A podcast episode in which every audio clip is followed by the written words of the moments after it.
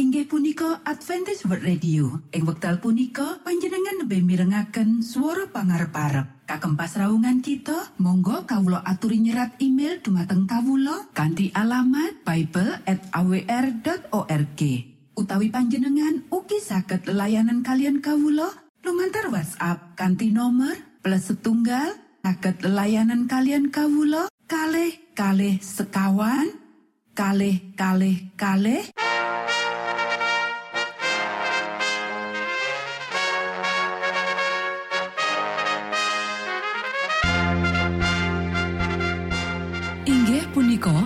Adventis World Radio ingkang giaran kanti basa Jawi.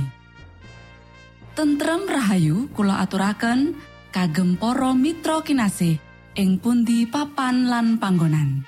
Sugeng pepanggian malih kalian Adventis World Radio. Kanti bingahing manah Kulo badi sesarengan kalian poro Mitra lumantar saperangan adicara ingkang sampun rinonci mligi kagem panjenengan sami. Mugi giaran punika saged migunani tuwin dados berkah kagem kita sedaya. Sugeng midhangetaken Gusti amberkahi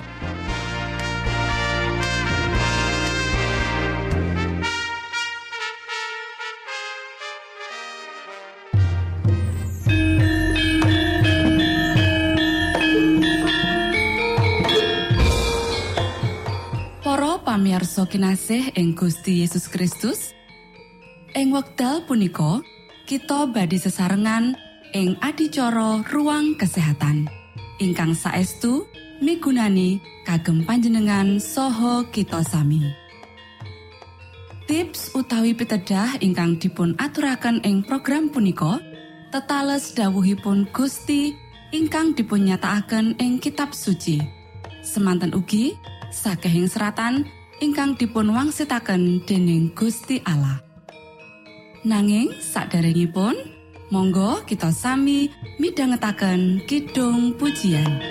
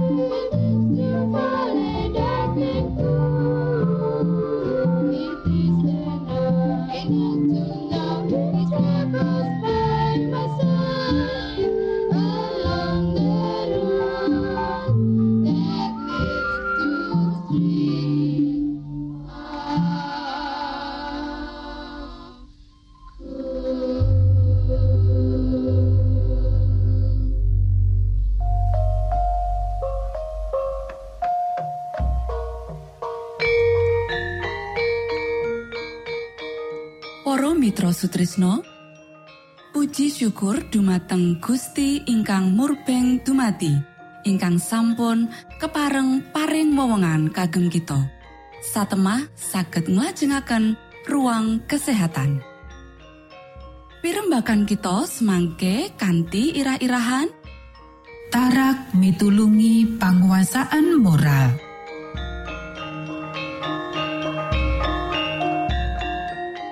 Nuwun dumateng para pamiarsa ingkang dahat kinurmatan, sugeng pebanggian malih kalian kula Isti Kurnaidi ing adicara ruang kesehatan.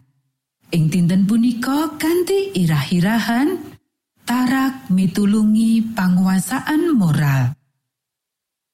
Para sederek ingkang kinasih, mutu pangananmu iku ora nyehatake lan prasaja sing nyiptakake jinis getih sing paling becik. Getih reget mesti bakal ngringkehake kuasa intelek lan moral lan bangkitake sarta nguatake nepsumu sing ora kakendaleni iku. Ora siji wong wae ing antarane kowe sing bisa entuk panganan kesusu. Amarga ajine padha karo kesehatan badanmu, kemakmuran jiwamu, lan jiwa anak-anakmu. Para sederek, Koe nyawisake panganan sak ndure meja nedha yaiku panganan sing ngeboti alat pencernaan, bangkitake hawa nepsu, ngringkehake daya pikir lan moral. Panganan mewah lan panganan daging ora migunani kanggo koe. Aku njaluk kanthi banget marang koe kanggo Sang Kristus. Aturan omahmu lan atimu. Mukio kabeneran swarga ngangkat lan nyucikake kowe yaiku badan lan jiwa lan roh. Endanono nepsu daging sing perang lawan jiwa. Setulur G, cara manganmu condong rangsang nepsu sing ora kakendaleni. Koe orang nguasani badanmu kaya dene kewajibanmu supaya nyempurnakake kasucen sakjroning wetiase marang Gusti Allah. Tarak sakjroning bab mangan kudu dipraktekake sadurunge kowe dadi sawijining wong sing sabar. Para sederek, donya dudu ukuran kanggo kita. Manjakake selera kanthi panganan mewah lan bahan perangsang sing ora alamiah, nguatake sifat kewan lan ngrendeti tuwe lan perkembangane moral. Anak-anak Adam diwenehi pitutur supaya dheweke dadi pemenang sakjroning peperangan kekristenan kajaba dheweke mutusake kanggo nglakokake tarak sakjroning kabeh perkara. Menawa dheweke nindakake, dheweke iku dudu kaya wong sing ngantem angin. Para sederek, menawa wong Kristen nguasani badan lan nguasani nepsu lan selera ing sak ngisore swara ati nurani lan nganggep iku dadi sawijining kewajiban sing diutang marang Gusti Allah lan marang pepadani kanggo mituhu angger-angger sing ngatur urip lan kesehatan dheweke bakal duweni berkah kekuatan badan lan mental. Dheweke bakal duweni kuasa moral ing sakjroning peperangan nglawan setan sakjroning asmane panjenengane sing wis ngalahake selera kanggo dheweke. Dheweke bakal luwih gedhe katimbang pemenang miturut anggepane. Peperangan iki kabuka kanggo kabeh wong sing gelem melu ing sakjrone. Sedulur-sedulur ke tangiyo, aku nyuwun marang kowe wong loro, kowe durung nampa padang reformasi kesehatan, apa maneh nindakake. Saumpamane kowe wis batasi selera, Koe ora perlu nindakake karya lembur utawa ngetokake bio tambahan. Sing luwih nguntungake maneh, koe bakal entuk kondisi kesehatan fisik sing luwih becik lan tingkatan daya intelek sing luwih dhuwur kanggo ngajeni kabeneran langgeng. Koe bakal duweni pikiran sing luwih cerah kanggo nenimbang bukti-bukti kabeneran. Koe bakal luwih sumatio kanggo menehi marang wong-wong liya dasar-dasar pangarep-arep sing ana ing kowe. Matur nuwun, Gusti amberkahi.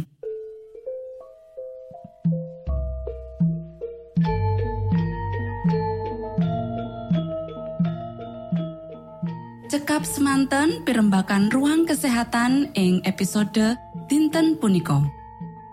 Ugi sampun kuatos jalaran kita badhe pinanggih malih ing episode sak lajengipun.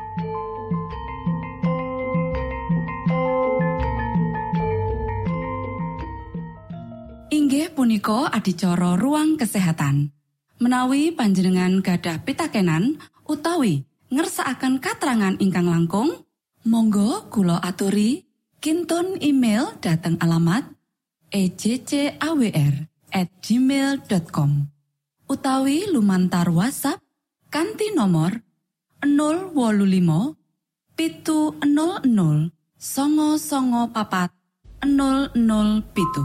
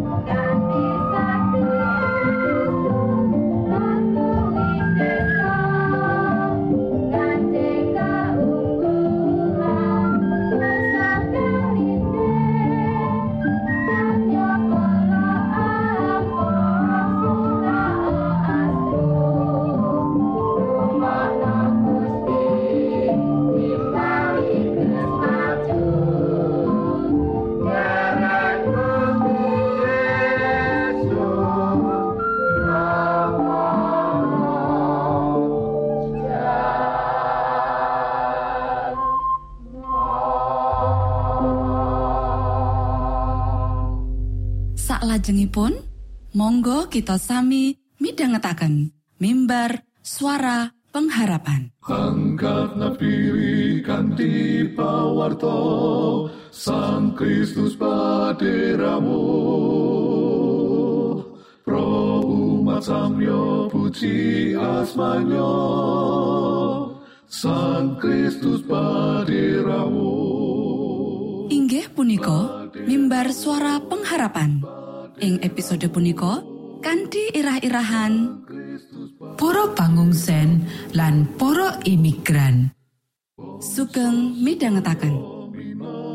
tondo Sang Kristus paderamu Ilmu kawero tambah tambah Sang Kristus paderamu Paderamu Paderamu Sang Kristus paderamu Shalom para pamirsa ingkang kinasih wonten ing Gusti. Sakmenika kita badhe mitangetaken renungan Sabtu pangantikanipun Gusti. Ing dinten punika kanthi irah-irahan para pangungsen lan para imigran. Para sedherek ingkang kinasih, underan babagan imigran lan para pangungsen wis dadi underan sing dirembuk utamane amarga saiki cacahe akeh banget. Apa dipindahake amarga perang, pilai alam utawa duweni pangarep-arep kanggo antuk mangsa ngarep ekonomi sing luwih becik. Mayota-yota wong ing saindenging jagat wis padha metu saka omah lan saiki bener-bener mbutuhake pitulungan. Ayo kita mojo ing kitab Matius pasal loro ayat telulas lan 14. Sapungkure para pandita mau lah tumuli ana malaikating pangeran kang ngatingali marang Yusuf ing sajroning pangimpen lan dawuh. Tangio, sang timur lan kang ibu ungsekno menyang ing tanah Mesir sarta mangkono ing kono nganti ingsun paring pangandika marang sira. Mulane mangkono awit Herodes bakal goleki sang timur arep disetani. Yusuf tangi lan ing bengi iku uga sang putra dalah kang ibu diajak ngungsi menyang ing tanah Mesir. Para sedherek ingkang kinasih, ing kitab Matius pasal loro ayat telulas lan 14, Gusti Yesus minangka sawijining pangungsen. Wong tuane ing jagat iki, Yusuf lan Maria, kapeksa ninggalake Bethlehem lan golek papan pangayoman ing tanah Mesir kanggo nyelametake saka panguasane Prabu Herodes kang bakal nyetani Gusti Yesus. Kitab suci ora nyatakake bab pengalamane ing tanah Mesir, nanging ora angel kanggo kita bayangake menawa bab kuwi mesti wae duweni tantangan lan mbok menawa ngadepi tantangan kang padha kaya kang dialami dening para pangungsen saiki.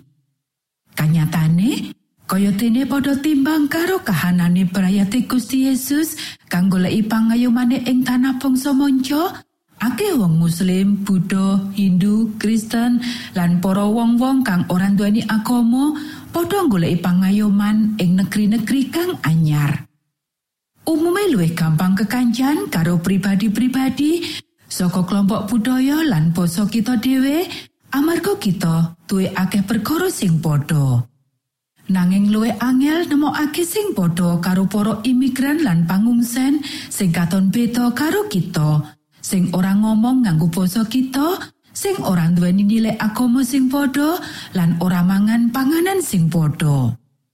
Para sederek, Injil nimbali kita supaya metu saka suku, bangsa lan zona nyaman budaya kita lan gayuh wong-wong sing butuhake sanadyan beda karo kita. Ayo kita waca kita panganaring Toret pasal 10 ayat 19. Mulane kowe iya padha nandukno katresnan marang wong ngamonco. Marga kowe pian iya wis ngalami dadi wong monco ana ing tanah Mesir. Kitab Sabur pasal 146 ayat songo Pangeran Yehua ngrekso marang wong ngamonco, bocah lolo lan rondo, padha disantosake maneh. Nanging dalane wong duraka dienggokake. Kitab Rom pasal rolas ayat telulas. Podo mitulungono ing kekuranganing para suci sarta podo merlokno aweh pamondokan. Kaimanan pasal telulikur ayat rolikur. Samongso sira padha ngenteni pametune bumi nira, aja sira entekake nganti tekan ing pinggire palemahan nira. Lan kekarene panenan nira aja sira asaki. Iku katinggalo kanggo wong miskin lan wong neneka. Engson iki Yehuwah Allah hiro. Para sederek, piye amriye kita ngladeni para imigran lan para pangungsen? Ing saperangan negara bab kaya ngene iki angel awit karono dianggep secara politik ora apik kanggo sesrawungan utawa mbiyantoni wong kaya iku. Nanging kita kudu nglakoni apa kang bisa kita lakokake nalika kita bisa. Kanggo ngladeni wong-wong iki sing sak mestine wis nglewati mangsa kang angel lan butuhake pitulungan kita. Kita kudu mbiyantu miwiti karo ndedonga lan terus golek ana katrangan bab masalah imigran utawa pangungsen. Akeh papan kang duweni organisasi kang ngurusi babagan iki.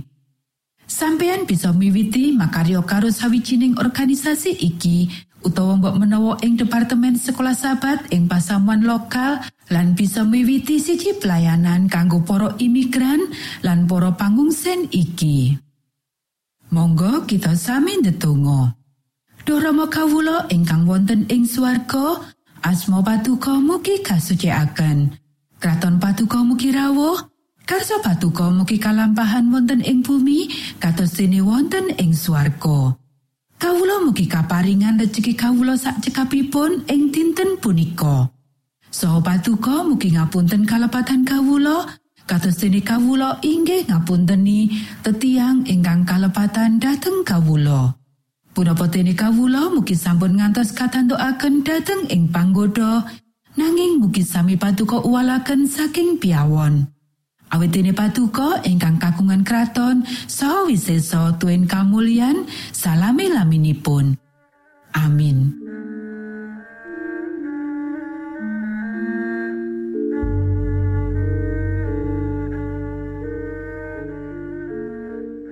Para Mitra Sutrisno pamiarsa kinasih ing Gusti Yesus Kristus. Sampun paripurno pasamuan kita ing dinten punika. Menawi panjenengan gadah pitakenan utawi ngersaakan seri pelajaran Alkitab suara nubuatan Monggo Kulo aturi kinton email dateng alamat ejcawr gmail.com utawi lumantar WhatsApp kanti nomor 025 pitu 00 songo songo papat 00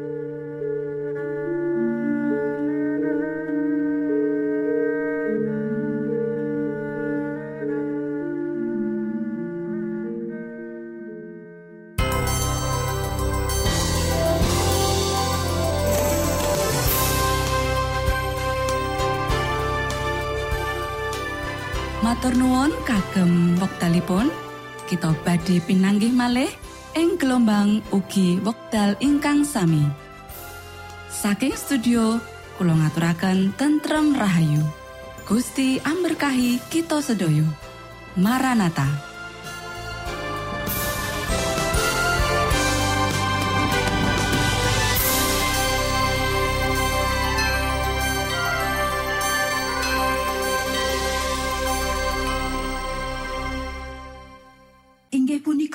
Adventist World Radio. Ing wekdal punika panjenengan lebih mirengaken suara pangarep-arep. Kagem pasraungan kita, monggo kawula aturi nyerat email dumateng kawula kanthi alamat bible@awr.org.